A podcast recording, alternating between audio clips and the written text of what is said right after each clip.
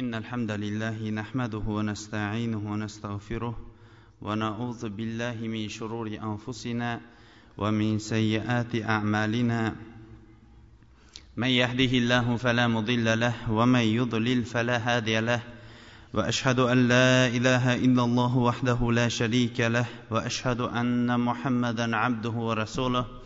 ثم عما بعد السلام عليكم ورحمة الله وبركاته.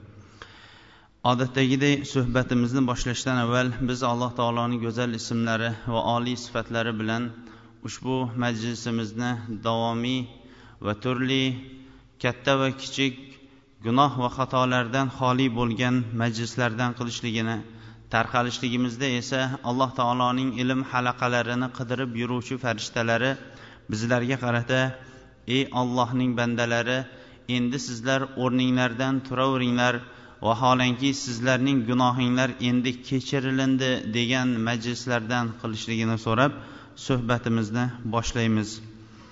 Imom zahabiy rahimaullohning al kabair gunohi kabiralar deb atagan kitobining navbatdagi darsligimiz o'n to'rtinchi gunohi kabira olloh va rasuli sollallohu alayhi vasallamning haqqiga yolg'on gapirishlik gunohi kabirasiga kelib to'xtagan edik. Aslidachi shariatimiz insonlarni sodiqlikka buyuradi. Ya ayyuhallazina amanu kunu sodiqin. Ey iymon keltirgan kishilar sizlar sodiqlar bilan birga bo'linglar. Shu bilan birga sodiqlik payg'ambar sollallohu alayhi vasallamning asl sifatlaridan edi. O'zilari ham إياكم بالصدق فإن الصدق يهدي إلى البر وإن البر يهدي إلى الجنة لا يزال الرجل يصدق ويتحرى إلى الصدق حتى يكتب عند الله صديقا degan edilar o'zinglarga sodiqlikni lozim tutinglar Chunki sodiqlik insonlarni yaxshilikka yo'llayveradi yaxshilik esa insonlarni jannatga yo'llaydi. Inson sodiqlikcha davom etaveradi yoyinki rost gapirishlikka harakat qilaveradi hatto allohning huzurida ham siddiqlardan deb yoziladi degan edi. Agar allohning huzurida siddiqlardan deb yozilib qolinadigan darajaga inson yetadigan bo'lsa endi uni hech kim yolg'onchi ham qila olmaydi.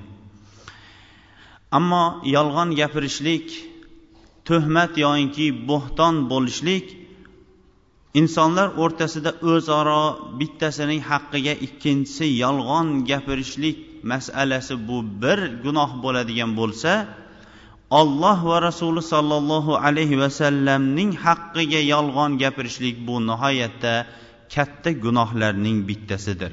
shuning uchun ham imom zahabiy rahimaulloh bu gunohi kabirani oldinga qo'yilgan gunohi kabiralar tartibiga bilan tartiblagan ekan alloh taolo qur'oni karimda olloh va rasulining haqqiga yolg'on gapiradiganlarni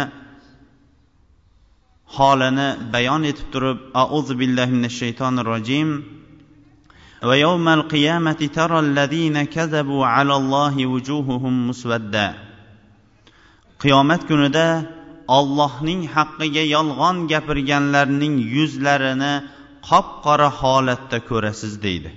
Mana bu ollohning sha'niga yolg'on gapirayotganlarning qiyomat kunidagi holati mana shunday og'ir ahvolda bo'lishligini bayon etyapti. Imom hasan rahimaulloh aytgan ekanki bular agar xohlasak buni qilamiz xohlasak qilmaymiz deb turib taqdir masalasini o'zimizning qo'limizda deganlardir degan ekan. Ibn javziy aytgan ekanki bir toifa ulamolar ollohning haqqiga va rasuli alayhissalomning haqqiga yolg'on gapirgan insonlar millatdan tashqariga chiqib ketadigan kufr amalni qilishadi degan ekanlar.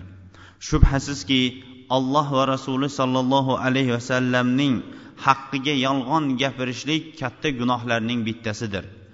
Lekin allohning haqqiga yolg'on gapirishlik yoyinki rasululloh sollallohu alayhi vasallamning haqqiga yolg'on gapirishlikning o'zi nima? Allohning haqqiga yolg'on gapirishlik alloh taolo nozil qilmagan oyatni olloh nozil qildi deyishlik yoyinki alloh taolo harom qilmagan amalni olloh harom qildi deyishlik olloh halol qilgan amalni olloh harom qildi deyishlik yoyinki olloh harom qilgan narsalarni bu haloldir deyishlik ollohning haqqiga gapirilgan tuhmat hisoblanadi. Mana bu shariat ilmida yoyinki shar'iy qo'yilingan mezonda insonlarning birontasi bahslashishligi aqllarini ustun qo'yishlari yoyinki o'zlari tomonidan olloh va rasulining hukmidan o'zgacha hukm chiqarishlikka biron bir kishining haqqi yo'qdir. Innama kana lil mu'minina va rasuluhu ay yaqulu sami'na va mo'minlar agar olloh va rasuli biron bir hukmni chiqarib qo'yadigan bo'lsa ularning gapi eshitdik va itoat qildik degandan nariga o'tmaslik kerakdir.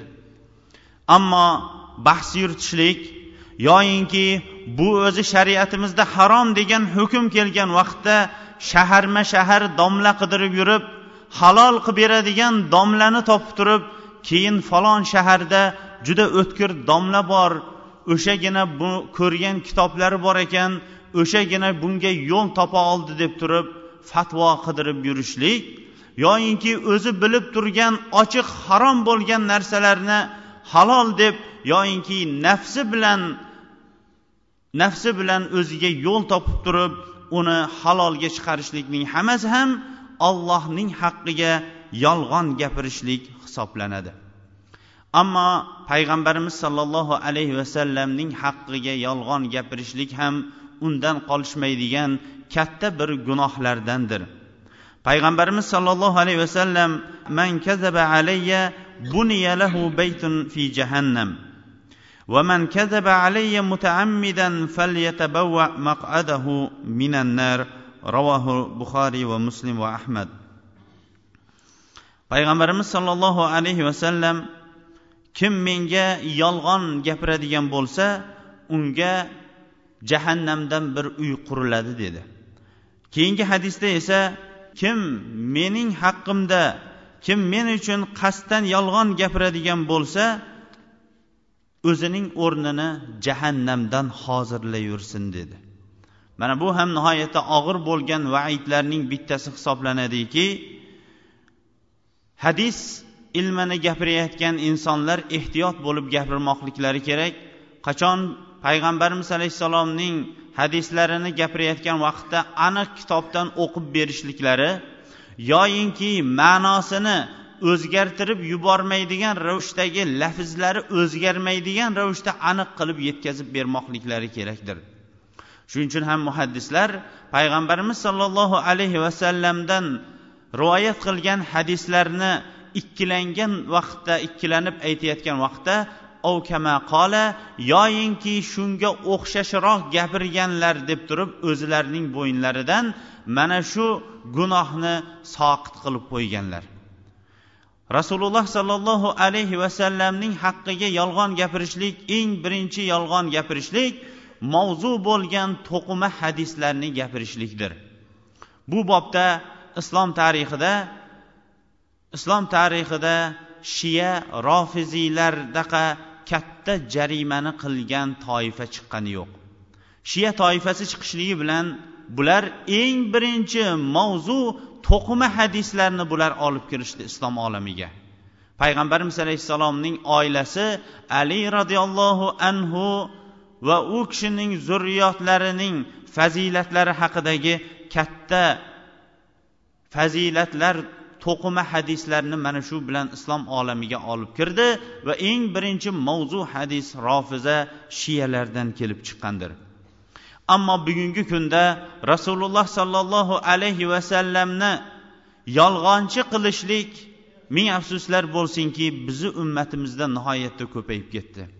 O'shalarning eng birinchisi payg'ambar sollallohu alayhi vasallam aytmagan hadislarni payg'ambar alayhissalom aytdi deb turib aytishlik yoyinki biron bir masala o'zi bilmay qolgan masalalar ko'ldarang bo'lib qolgan vaqtida nafsini oliy qo'yib qo'yib turib men uni bilmadim yoyinki u masalani kitobda ko'rmagan ekanmiz deyishlikdan qo'rqib nafsini oldinga qo'ygan domlalarning payg'ambar alayhissalom tomonidan to'qima hadislarni o'zlari aytib turib bunga dalil hujjat qilib masalalarni aytishi bugungi kunda ming afsuslar bo'lsinki eng ko'p topilayotgan payg'ambar alayhissalomga qilingan tuhmat yoyinki yolg'on hisoblanadi. Ikkinchi turdagi payg'ambar sollallohu alayhi vasallamga yolg'on gapirishlikning ikkinchi turi bugungi kunda topilib turgan ikkinchi turi payg'ambar alayhissalomning hadislarini inkor qilishlik. Agarchi u ixtilofli masalalarga sabab bo'lib turgan bo'lsa ham hadisni inkor qilishlikka hech kimning haqqi yo'qdir. Hadis agar sahih san'at bilan sobit bo'lgan bo'lsa hech bo'lmaganda bu hadis bor ekan lekin bizni diyorlarda bunga amal qilinmaydi. Bu hadis bor ekan lekin bu hadisga amal qilishlikka hali xalqimiz tayyor emas deb turib o'zini olib qochishlikning o'rniga bu hadisni inkor qilishlik rasululloh alayhissalomning haqqiga yolg'on gapirishlik hisoblanadi. Bugungi kunda yana rasululloh sollallohu alayhi vasallamning haqqiga yolg'on gapirishlikning turlarining yana bittasi payg'ambar alayhissalomning sunnatlarini inkor qilishlik. U ham bo'lsa payg'ambarimiz alayhissalomning mana bugungi kunda ko'p taralib turgan soqol masalasi bo'lsin yoyinki liboslaridagi masala bo'lsin inson agar o'zi soqol qo'ya olmayotgan bo'lsa soqol qo'ygan payg'ambarimiz alayhissalomning sunnatini tiriltiraman deganlarning ortidan bu sunnatni inkor qilmasin. Chunki sunnatni inkor qilishlik ollohning rasulini yolg'onchi qilishlik hisoblanadi. Shu o'rinda ham ikkinchi tomonga ham qarab turib aytmoqlik kerakki insonlar insonlarga masala aytgan vaqtda o'sha insonlar ko'tara oladigan ravishdagi masalani aytmoqliklari kerakdir. Insonlar ko'tara olmaydigan masalalarni aytib turib olloh va rasulini yolg'onchi qilib qo'yishliklari ham mumkindir. Buni ali roziyallohu anhu o'sha davrlarda kallimun nasa bima yarifun aturiduna an yukazziballohu va rasuluh? Odamlar tushunadigan gaplardan gapiringlar. Olloh va rasulini hali yolg'onchi qilmoqchimisizlar dedilar.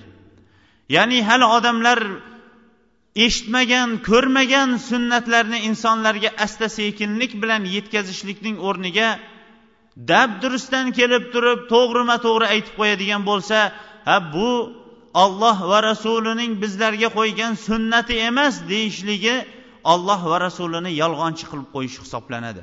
Shuning uchun ham sunnatlarni o'rgatmoqchi bo'lgan inson ham asta sekinlik bilan sunnatlarni o'rgatishlikka kirishmoqlik kerakdir.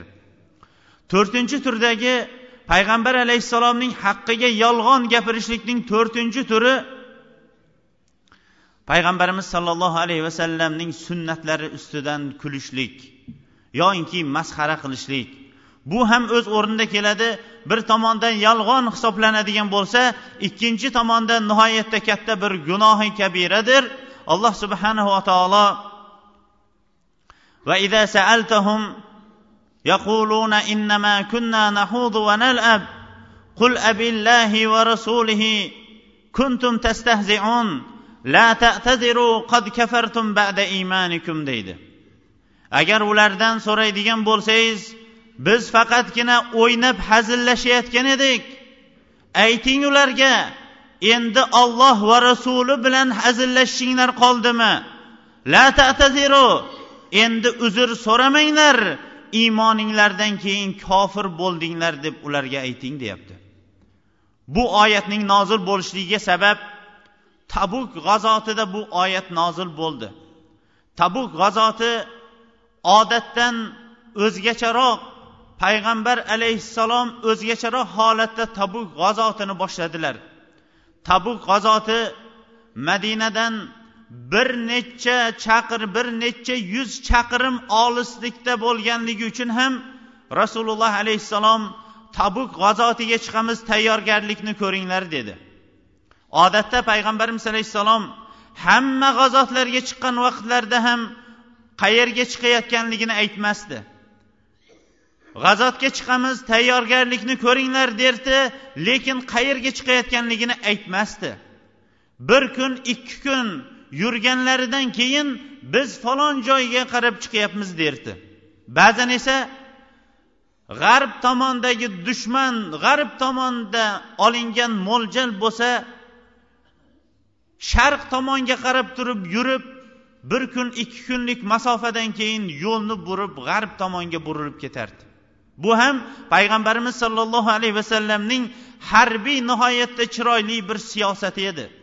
Lekin tabuk g'azotichi tabuk g'azotida ayni yillik daromadi bo'lgan ansorlarning yillik daromadi bo'lgan xurmolarning pishib turgan vaqtida bo'ldi. U yetmaganda kun nihoyatda issiq edi. Uning ustiga jang qilmoqchi bo'lgan mamlakat rim imperiyasi bilan bo'lmoqchi bo'lib turgan eng birinchi ilk jang hisoblanardi tabuk g'azoti payg'ambarimiz sollallohu alayhi vasallam shuning uchun ham tabukka chiqamiz deb e'lon qildilar. Ko'pchilik munofiqlar payg'ambarimiz sollallohu alayhi vasallamdan uzr so'rab kelishdi. Payg'ambar alayhissalom ularning tashqi holatlarini qabul qilardilar qalblarini allohga topshirib qo'yardilar. Ko'pchilik munofiqlar o'zlarining aytgan uzrlari bilan tabuk g'azotidan qolib ketishdi. Rasululloh alayhissalom bir qancha madinada qolgan munofiqlardan tashqari hamma madinadagi erkaklar bilan tabuk g'azotiga chiqdi. Lekin shu qatorda aytib o'tmoqlik kerakki hamma munofiqlar ham qolib ketmagandi.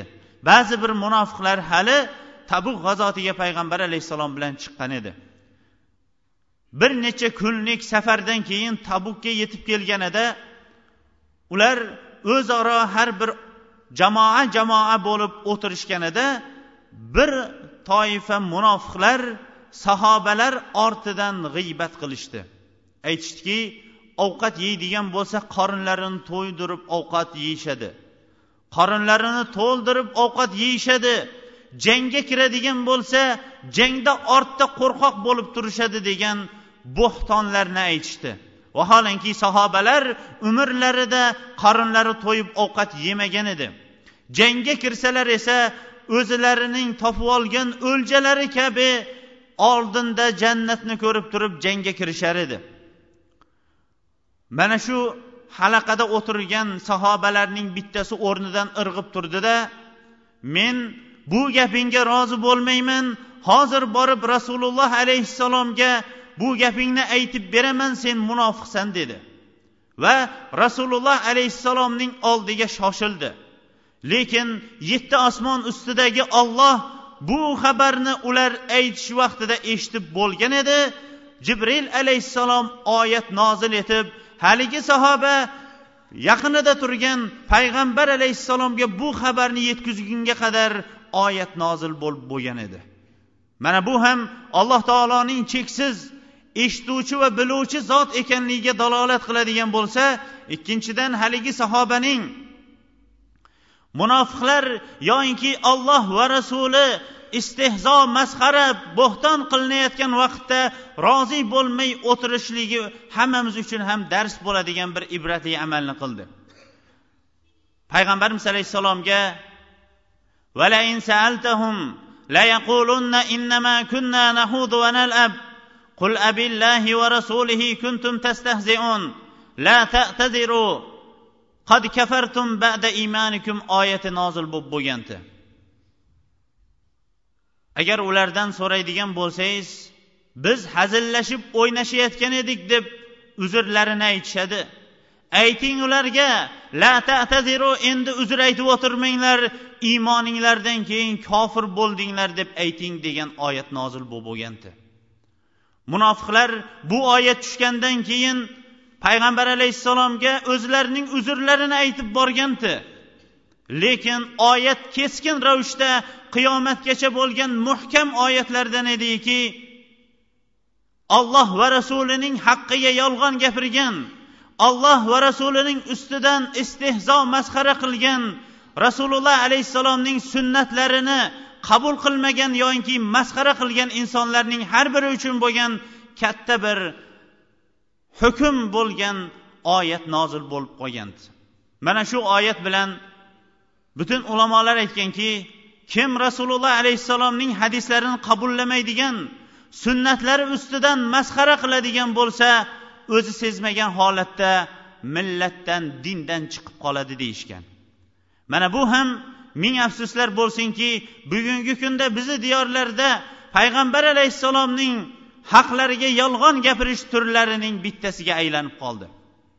Lekin eng ko'p xalqlar ichida rasululloh alayhissalomning haqqiga yolg'on gapirishlik u o'zi bilmagan masalani falon hadisda kelgan deb turib men bilmayman degan men bilmayman deyishlikni o'ziga or deb bilib turib bilaman deb turib payg'ambar alayhissalomdan hujjat keltirib turib gapirishlik bugungi kunda ko'p xalqlarimiz ichida topiladigan va olloh va rasulining ustidan yolg'on gapiradigan gunohlarning bittasi hisoblanadi.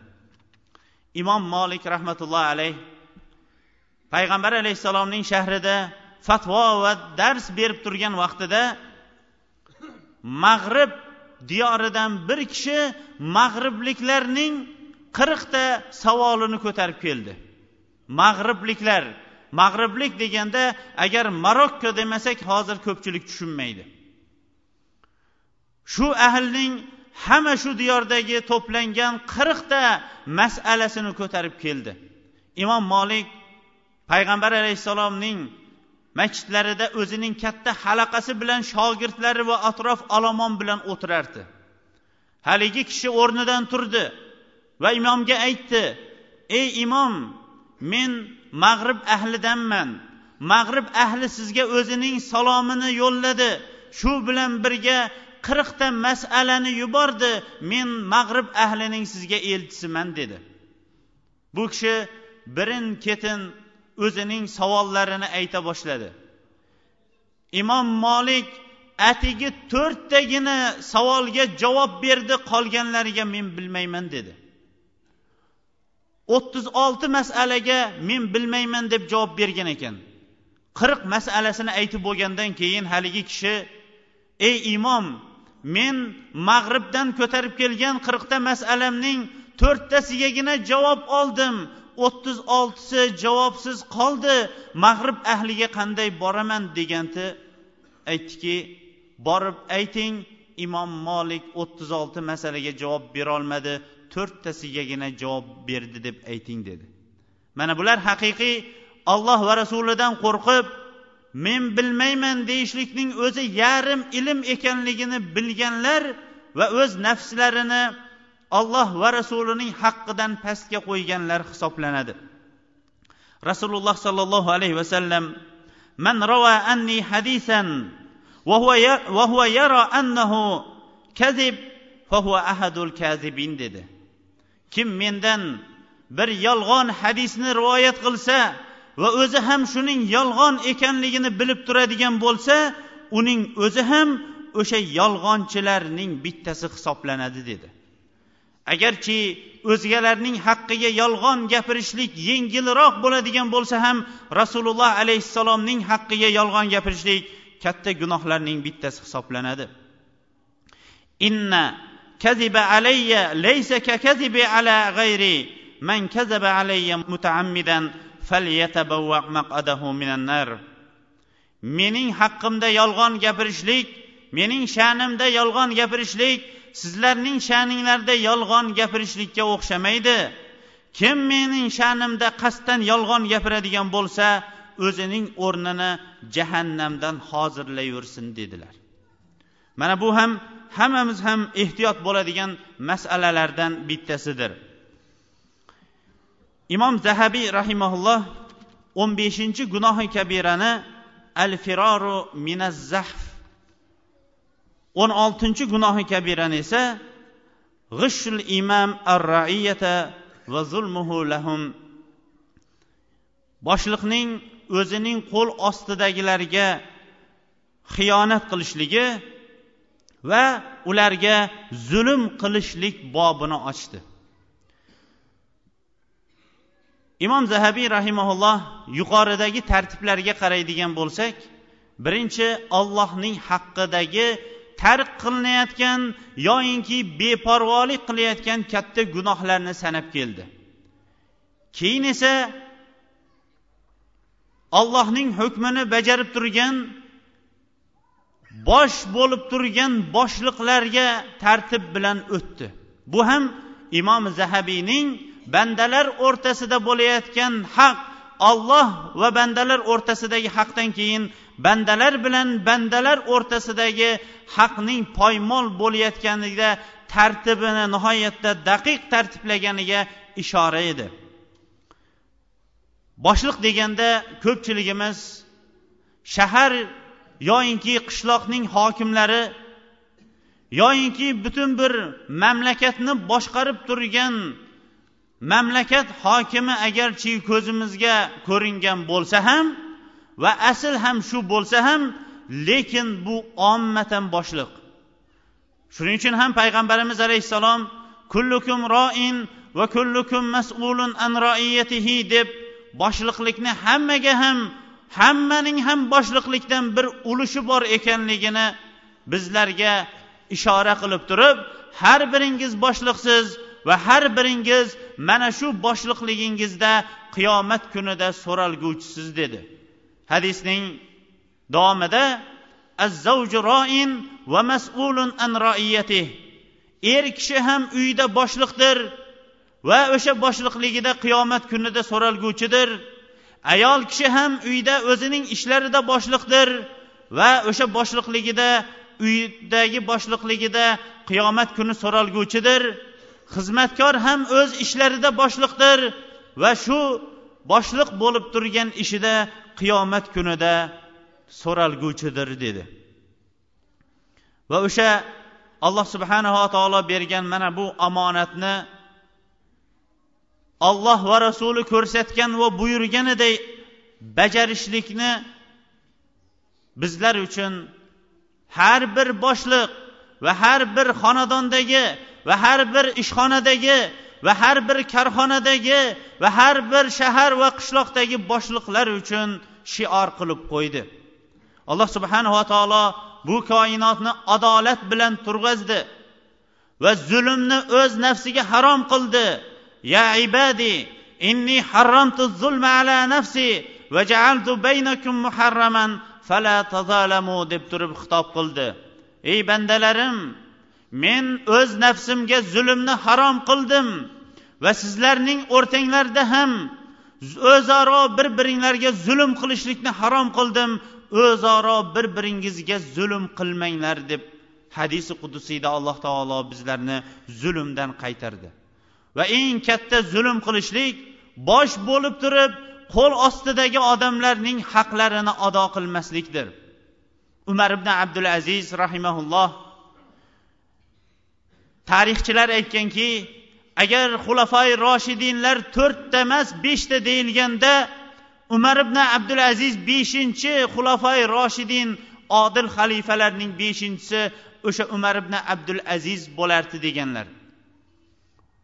Ayollari fotima aytadiki bir kuni ertalabgacha kuyovlari yig'lab chiqdi. O'sha davrdagi katta xalifa bo'lib turgan umar ibn abdulaziz yig'lab chiqdi. Tong otar vaqtida biron bir jinoyat qildingizmi? Muncha ko'p yig'laysiz deb so'ragandim deydi ayoli.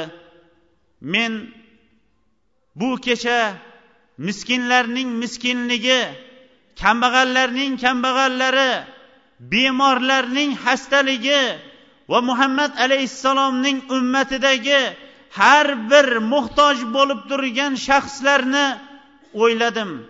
Alloh taolo meni ularga bosh qilib qo'ygan ekan qiyomat kunida ular haqida ollohning oldida nima deb javob berishligimni o'ylagan vaqtimda uyqum qochib o'zimni yig'idan tuta olmadim degan ekan. Umar ibn hattob olamni adolat bilan to'ldirgan umar odil roziyallohu anhu men ollohning oldida iroqdagi ko'chalar tekislanmaganligi uchun iroq mahallalarida biron bir eshak yiqilib oyog'i sinadigan yo oyog'i hastalanadigan bo'lsa qiyomat kunida o'shalar haqida so'rashligim iroqdagi eshaklar haqida so'ralishligimdan qo'rqaman degan ekanlar. Shuning uchun ham islom tarixida viloyatni qo'lga olishlik voliylikni mas'uliyatni qo'lga olishlik degan masala xatarli bo'lgan masala bo'lganligi uchun ham imomlarimizning hammalari ham bu mas'uliyatdan qochishgan. Imom azam rahmatullohi alayh o'sha davrdagi qo'l bilan sanaladigan katta mushtahid alloma kishilarning avvalgi sanaladigan olimi bo'ladigan bo'lsa xalifaga ishora qilishdiki bu kishini davlat qozisi qilib olaylik deb. Davlat qozisi qilib olaylik deganda inson darrov tushunmoqligi kerakki bu degani bu ruscha qilib aytganimizda государственный sud degani. Davlat hamma hukmlari qonunlari shu kishidan chiqadigan inson bo'ladi. Bu kishiga ishora qiluvdi halifa ham chaqirib turib sizni shunday lavozimga qo'ymoqchimiz deganda halifa hazratlari men bunga yaramayman dedi. Unaqa deb aytmang sizdan o'zga yaraydigan odam yo'q. Siz shunga yaroqli insonsiz dedi. Yo'q men unga yaroqli emasman deganda yolg'on gapiryapsan dedi. Halifaning achchig'i chiqdi. Yolg'on gapiryapsan dedi. Shunda aytdi imom azam nihoyatda zukko odam edi. Aytdiki ana ko'rdingizmi halifa hazratlari? Yolg'onchi davlat qozisi bo'lishlikka yaramaydi o'zingiz meni yolg'onchi deb turibsiz dedi. Bundan jahli chiqqan halifa imom azam rahmatullohi alayhiga darra urishlikka buyurdi. Muhimi insonlar uchun berilingan og'ir bu mas'uliyat bo'lganligi uchun ham bu mas'uliyatda kechayu kunduz mas'uliyatni sezgan holatda ishlashlik ularga xiyonat qilmaslik va ularga zulm o'tkazib qo'ymaslik shariatimiz buyurgan eng katta amallardan bittasi hisoblanadi. Alloh subhanava taolo zulm qilayotgan insonlarga holati qanday bo'lishligini bizlarga bayon etib turib auzu billahi minash shaytonir rojim ولا تحسبن الله غافلا أما يعمل الظالمون إنما يؤخرهم ليوم تشخص فيه الأبصار مهطعين مقنعي رؤوسهم لا يرتد إليهم طرفهم وأفئدتهم هواء zolimlar qilayotgan amallardan ollohni g'ofil deb bilmang ya'ni zolimlar qilayotgan amallardan olloh g'ofil emas Balki ularni alloh taolo hisob kitob qilishlik uchun ko'zlar tikilib qoladigan hisob kitob maydoni uchun ularning amalini kechiktirib qo'yyapti. Bu kunda ular yuqoridan osmondan nima hukm bo'lar ekan deb ko'zlari yuqoriga qarab qoladi. Agar biron bir hukm bo'ladigan yoki chaqiriq bo'ladigan bo'lsa ular yugurib kelishadi. Ko'zlari qatib qolgan qo'rqinchli kun bo'ladi. Qalblarida esa o'ylab qo'yadigan zulmlari makr va hiylalari ham bo'lmaydi.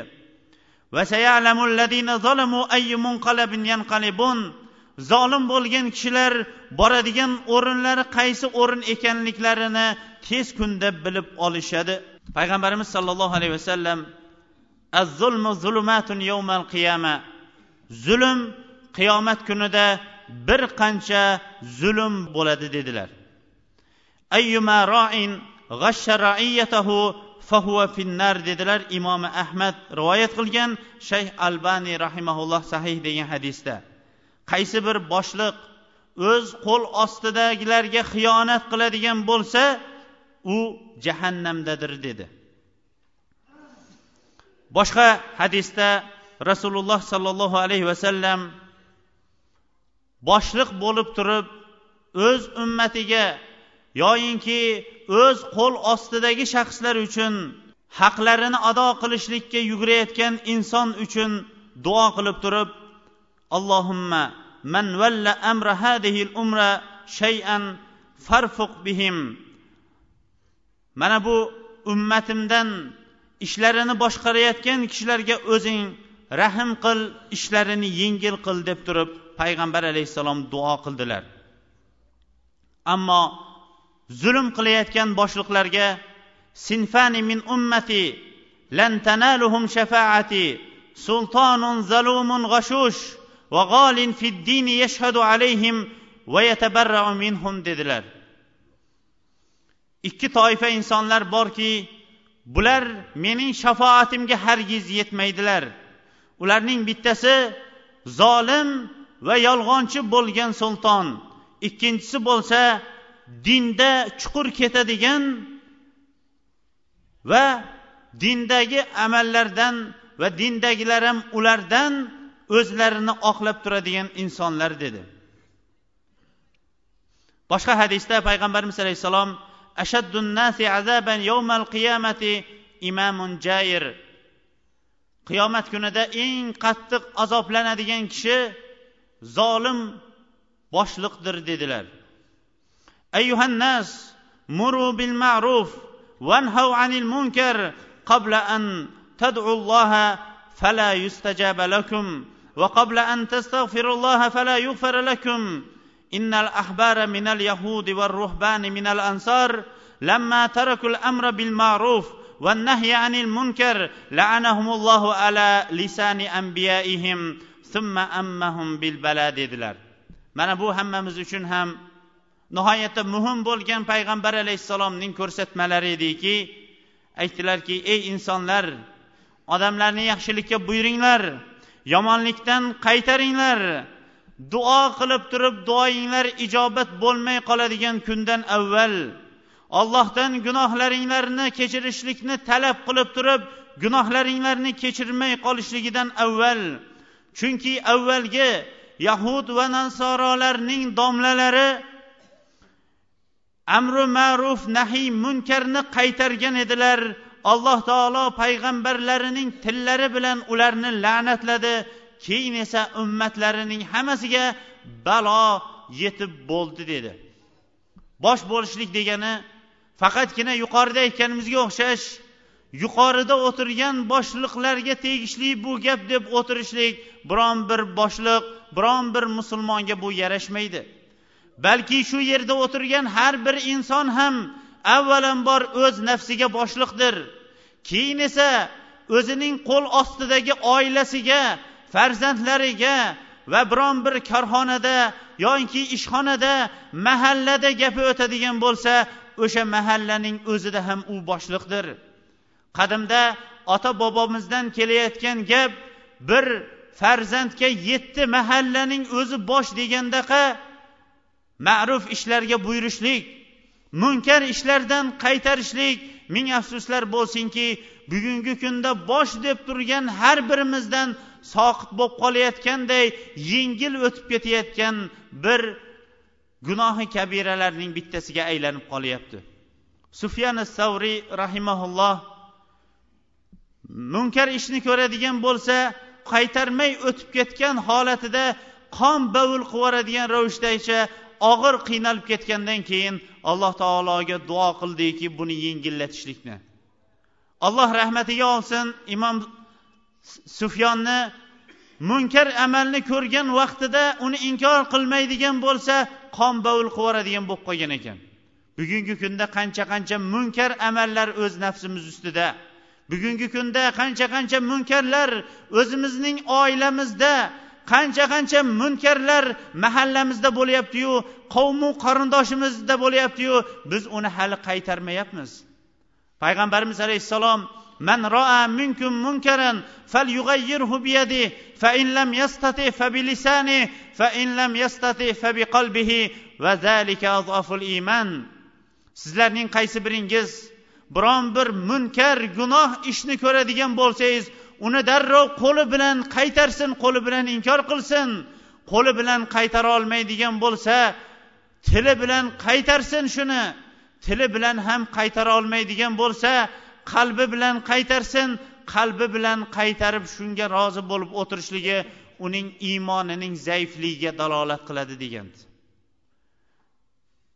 munkar amallar bo'layotgan vaqtda dasturxonda mast qiluvchi ichimliklar ichilib turgan vaqtda yoyinki olloh va rasuli harom qilgan musiqa bo'lib turgan vaqtda yoyinki ayollar o'zlarining bekitishligi lozim bo'lgan o'rinlarini bekitmay yoyinki erlarning liboslarini kiyayotganda alloh va rasulining haqqiga yolg'on bo'layotganda bo'xton va ig'volar bo'layotgan vaqtda rozi bo'lib o'tirishlik bu boshimizga balolarning kelib qolishligi muqarrar ekanligini mana bu hadisda payg'ambar alayhissalom bizlarga bayon qilib beryapti. Odil boshliqlarning hukmi bilan zolim boshliqlarning hukmini payg'ambar alayhissalom bayon qilib turib yuqoridagi zolim bo'lib turgan qo'l ostidagilarga zulm qilayotganlarni bayon etgan bo'lsa keyingi hadisda payg'ambarimiz alayhissalom odil bo'lib turgan boshliqlarning mukofoti soya yo'q kunda bular mahshargohga insonlar hammalari jamlangan vaqtlarida allohning arshining soyasida ekanligini bayon etib al imamul adil yuzilluhullohu fi zillihi yawma la zilla illa zilluh dedilar. Odil boshliqni alloh taolo soya yo'q bo'lgan kunda o'zining arshining soyasida soyalantirib turadi dedi. Boshqa hadisda esa al muqsituna ala manabirin min nur allazina ya'diluna fi hukmihim va ahlihim va ma vullu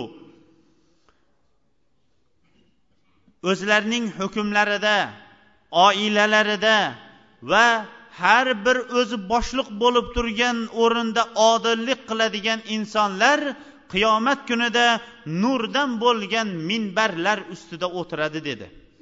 Hadisda rasululloh alayhissalom ishxonasida ham odillik qiladigan ko'chada ham odillik qiladigan ahli ayoliga ham odillik qiladigan farzandlariga ham odillik qiladigan dedilar.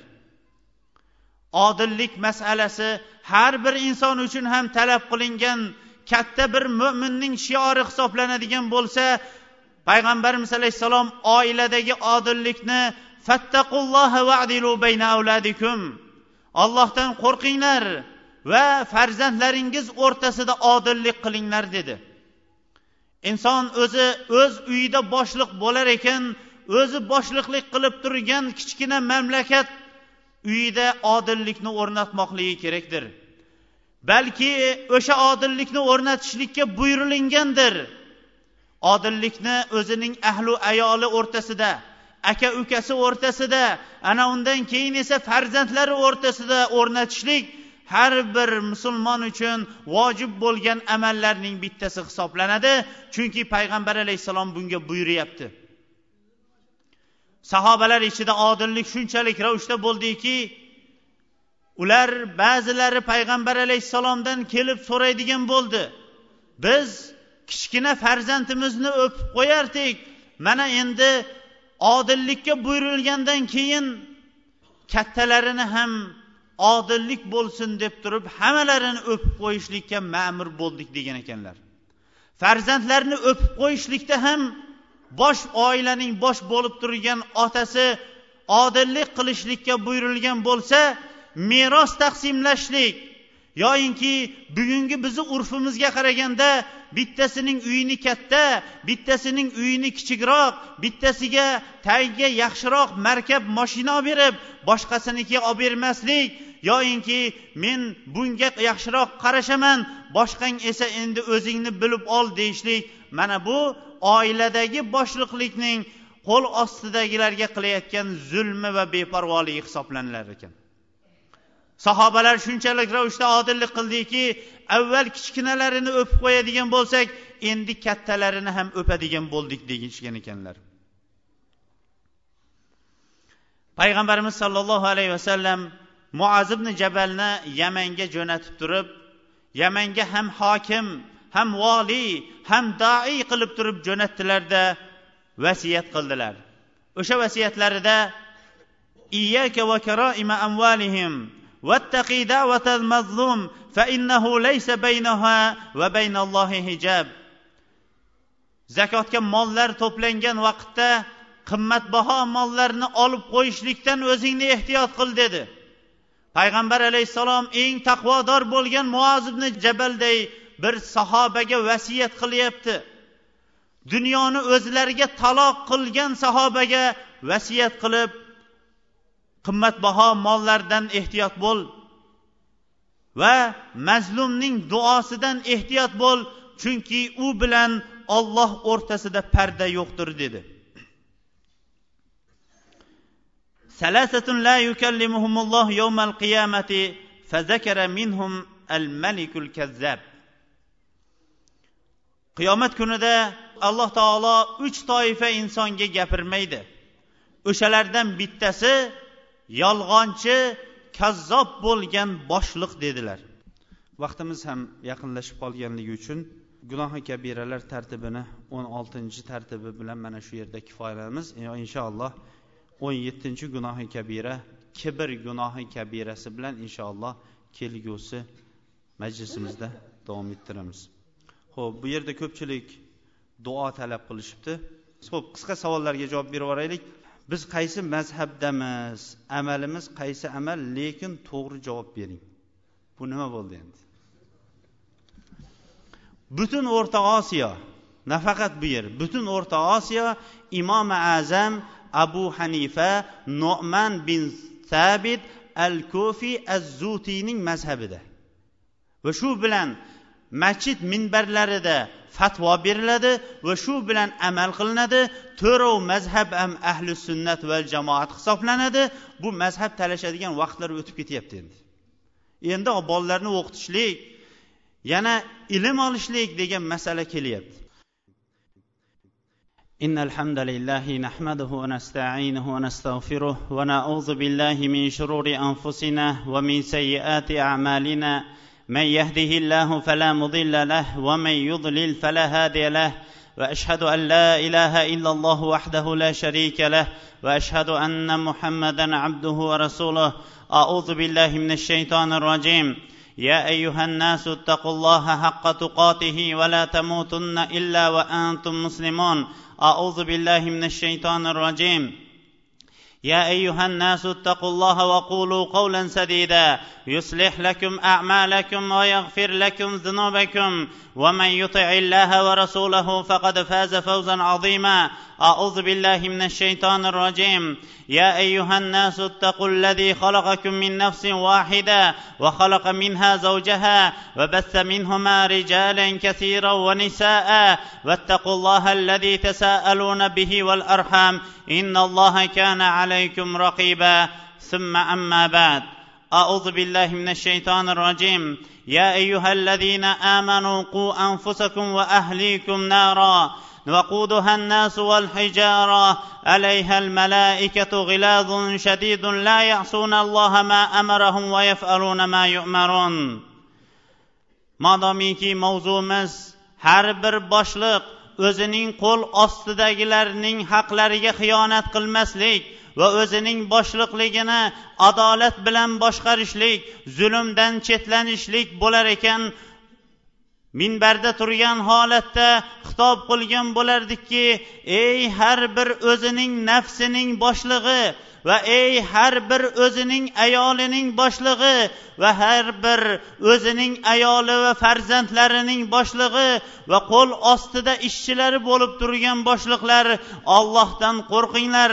O'z nafsinglar ustidagi o'zimizning nafsimiz ustiga olloh farz qilgan amallarni ado etaylik. Zeroinki yuqorida o'qilgan oyatda alloh taolo xitob qilib aytadiki ey iymon keltirgan kishilar sizlar o'zinglarni va ahlu ayolinglarni olovi insonlar o'tini insonlar va toshdan iborat bo'lgan jahannam olovidan saqlanglar deyapti. Eng birinchi o'zinglarni keyin esa ahlu ayollaringlarni saqlanglar deyapti. Har bir boshliq modomiki bugun juma namozini ado etishlik uchun kelgan bo'lsa eng birinchi savolimiz shuki farzandlaringizni qayoqqa tark qilib keldingiz? Vaholanki rasululloh alayhissalom muru avladakum bisola va hum abnau sab'in vadribuhum alayha va hum abnau ashrin va farriquhum bayna madaji'ihim. Farzandlaringizni yetti yoshga to'lganda namozga buyuringlar. o'n yoshga to'lganda namozda dangasalik qilayotgan bo'lsa tarbiya uchun uringlar va o'n yoshda har birlarining joylarini alohida alohida qilib qo'yinglar degan edi. Boshliqlikning ikkita haqqi bor. Eng birinchi haqqi olloh bilan o'zi o'rtasidagi haqni ado etishlik ikkinchi haqqi bo'lsa olloh bilan o'zining qo'li ostida turgan ishchilar yoyinki farzandlar yoyinki ahlu ayolni ollohning farzlarini ado etishlik uchun buyurishlikdir. Alloh subhanava taolo qur'oni karimda yunus alayhissalomni maqtab turib ahlini namozga buyurar edi va o'shanda sabr qilar edi deydi. Ko'pchiliklarimiz namoz o'qiymiz besh vaqt namozni kanda qilmay o'qiymiz. Ba'zilarimiz esa besh vaqt namozni jamoat bilan masjidda o'qiymiz. Lekin farzandimiz hali namoz o'qigani yo'q. Yoyinki farzandlarimizga hali namoz o'qi deb aytganimiz yo'q. Yoyinki oilamiz hali namozni bir o'qib bir o'qimaydi. Yoyinki nevaralarimizni hali masjidga yetaklab kelgan emasmiz. Mana bu ham bizlar o'zimizning oilamizdagi boshliqligimizda qilayotgan xiyonatimiz hisoblanar ekan.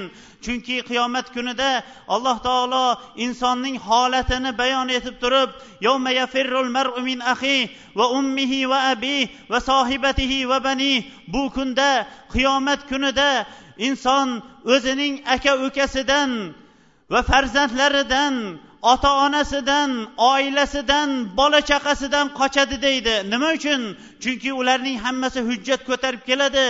Agar otam namoz o'qi deganida biz namoz o'qirdik agar erim namoz o'qi deganida namoz o'qirdim agar akam yo ukam namoz o'qi deganda namoz o'qirdim va hokazo ularning hammalari xuddi suvga g'arq bo'layotgan inson kimni ushlab bo'lsa ham o'zini qutqarib qolishga harakat qilganiga o'xshash jahannamga g'arq bo'lib ketishlikdan avval o'zgalar uchun hujjatlar ko'tariladi. O'sha vaqtda inson qochishga joy topa olmas ekan qochishga joy topa olmaydigan kundan avval biz uyimizdagi boshliqligimizda farzandlarimizni masjidga yetaklab olib kelib ularga ham namoz o'rgatishaylik va ularga ham boshliqligimizni ollohning oldida ham ularning oldida ham bo'ynimizdagi vojibni va boshliqligimizni to'la va to'kischa ado etaylik. Ey ollohning bandalari mana bu soatda juma namozida mana bu o'rinda allohning uyida ko'p istig'for va tavbalar aytaylik ajabmaski alloh taolo hayotimizda bilib bilmay qilgan gunohlarimizni o'zi kechirsa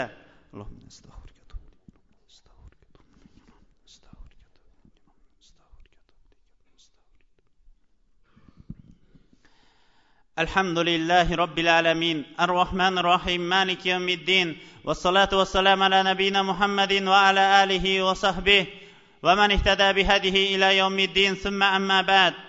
Payg'ambarimiz alayhissalom ibda binafsik avval o'zingizdan boshlang degandilar.